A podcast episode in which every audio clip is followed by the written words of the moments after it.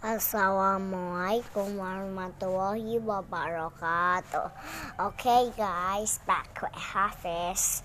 We're gonna tell about what, guys? Guys, guys, guys. So we're gonna talk about superpowers.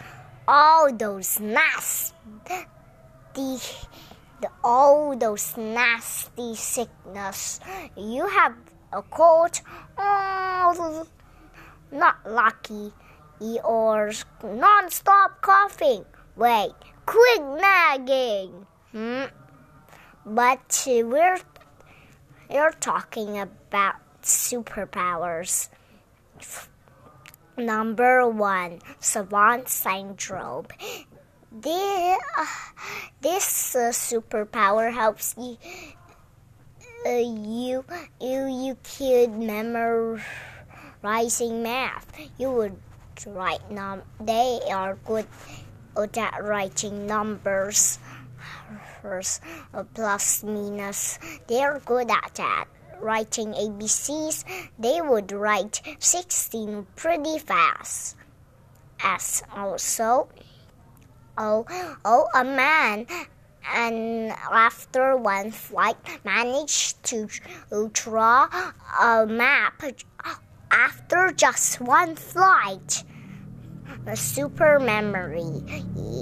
This is helps you to memorize anything that you have done in your life.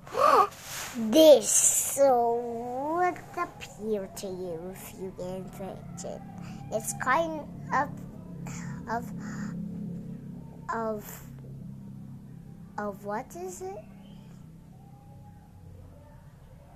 It is also a it ever happened to a girl. girl. A woman and remembered that at when she was the ten the age of seven, she was wrapped in a blanket. Not days, seven days. He not, she not, not keep her hypermnesia a superpower, but a superpower for not getting headaches, and that's not normal. Oh, number three inborn analgesia is a superpower er, which makes us superheroes. Especially, it means you're not normal. Okay? Cases of this have appeared in some of the villages in Sweden. And also, this is superpower is also a superpower, which is kind of uh, of uh, makes you not hurt.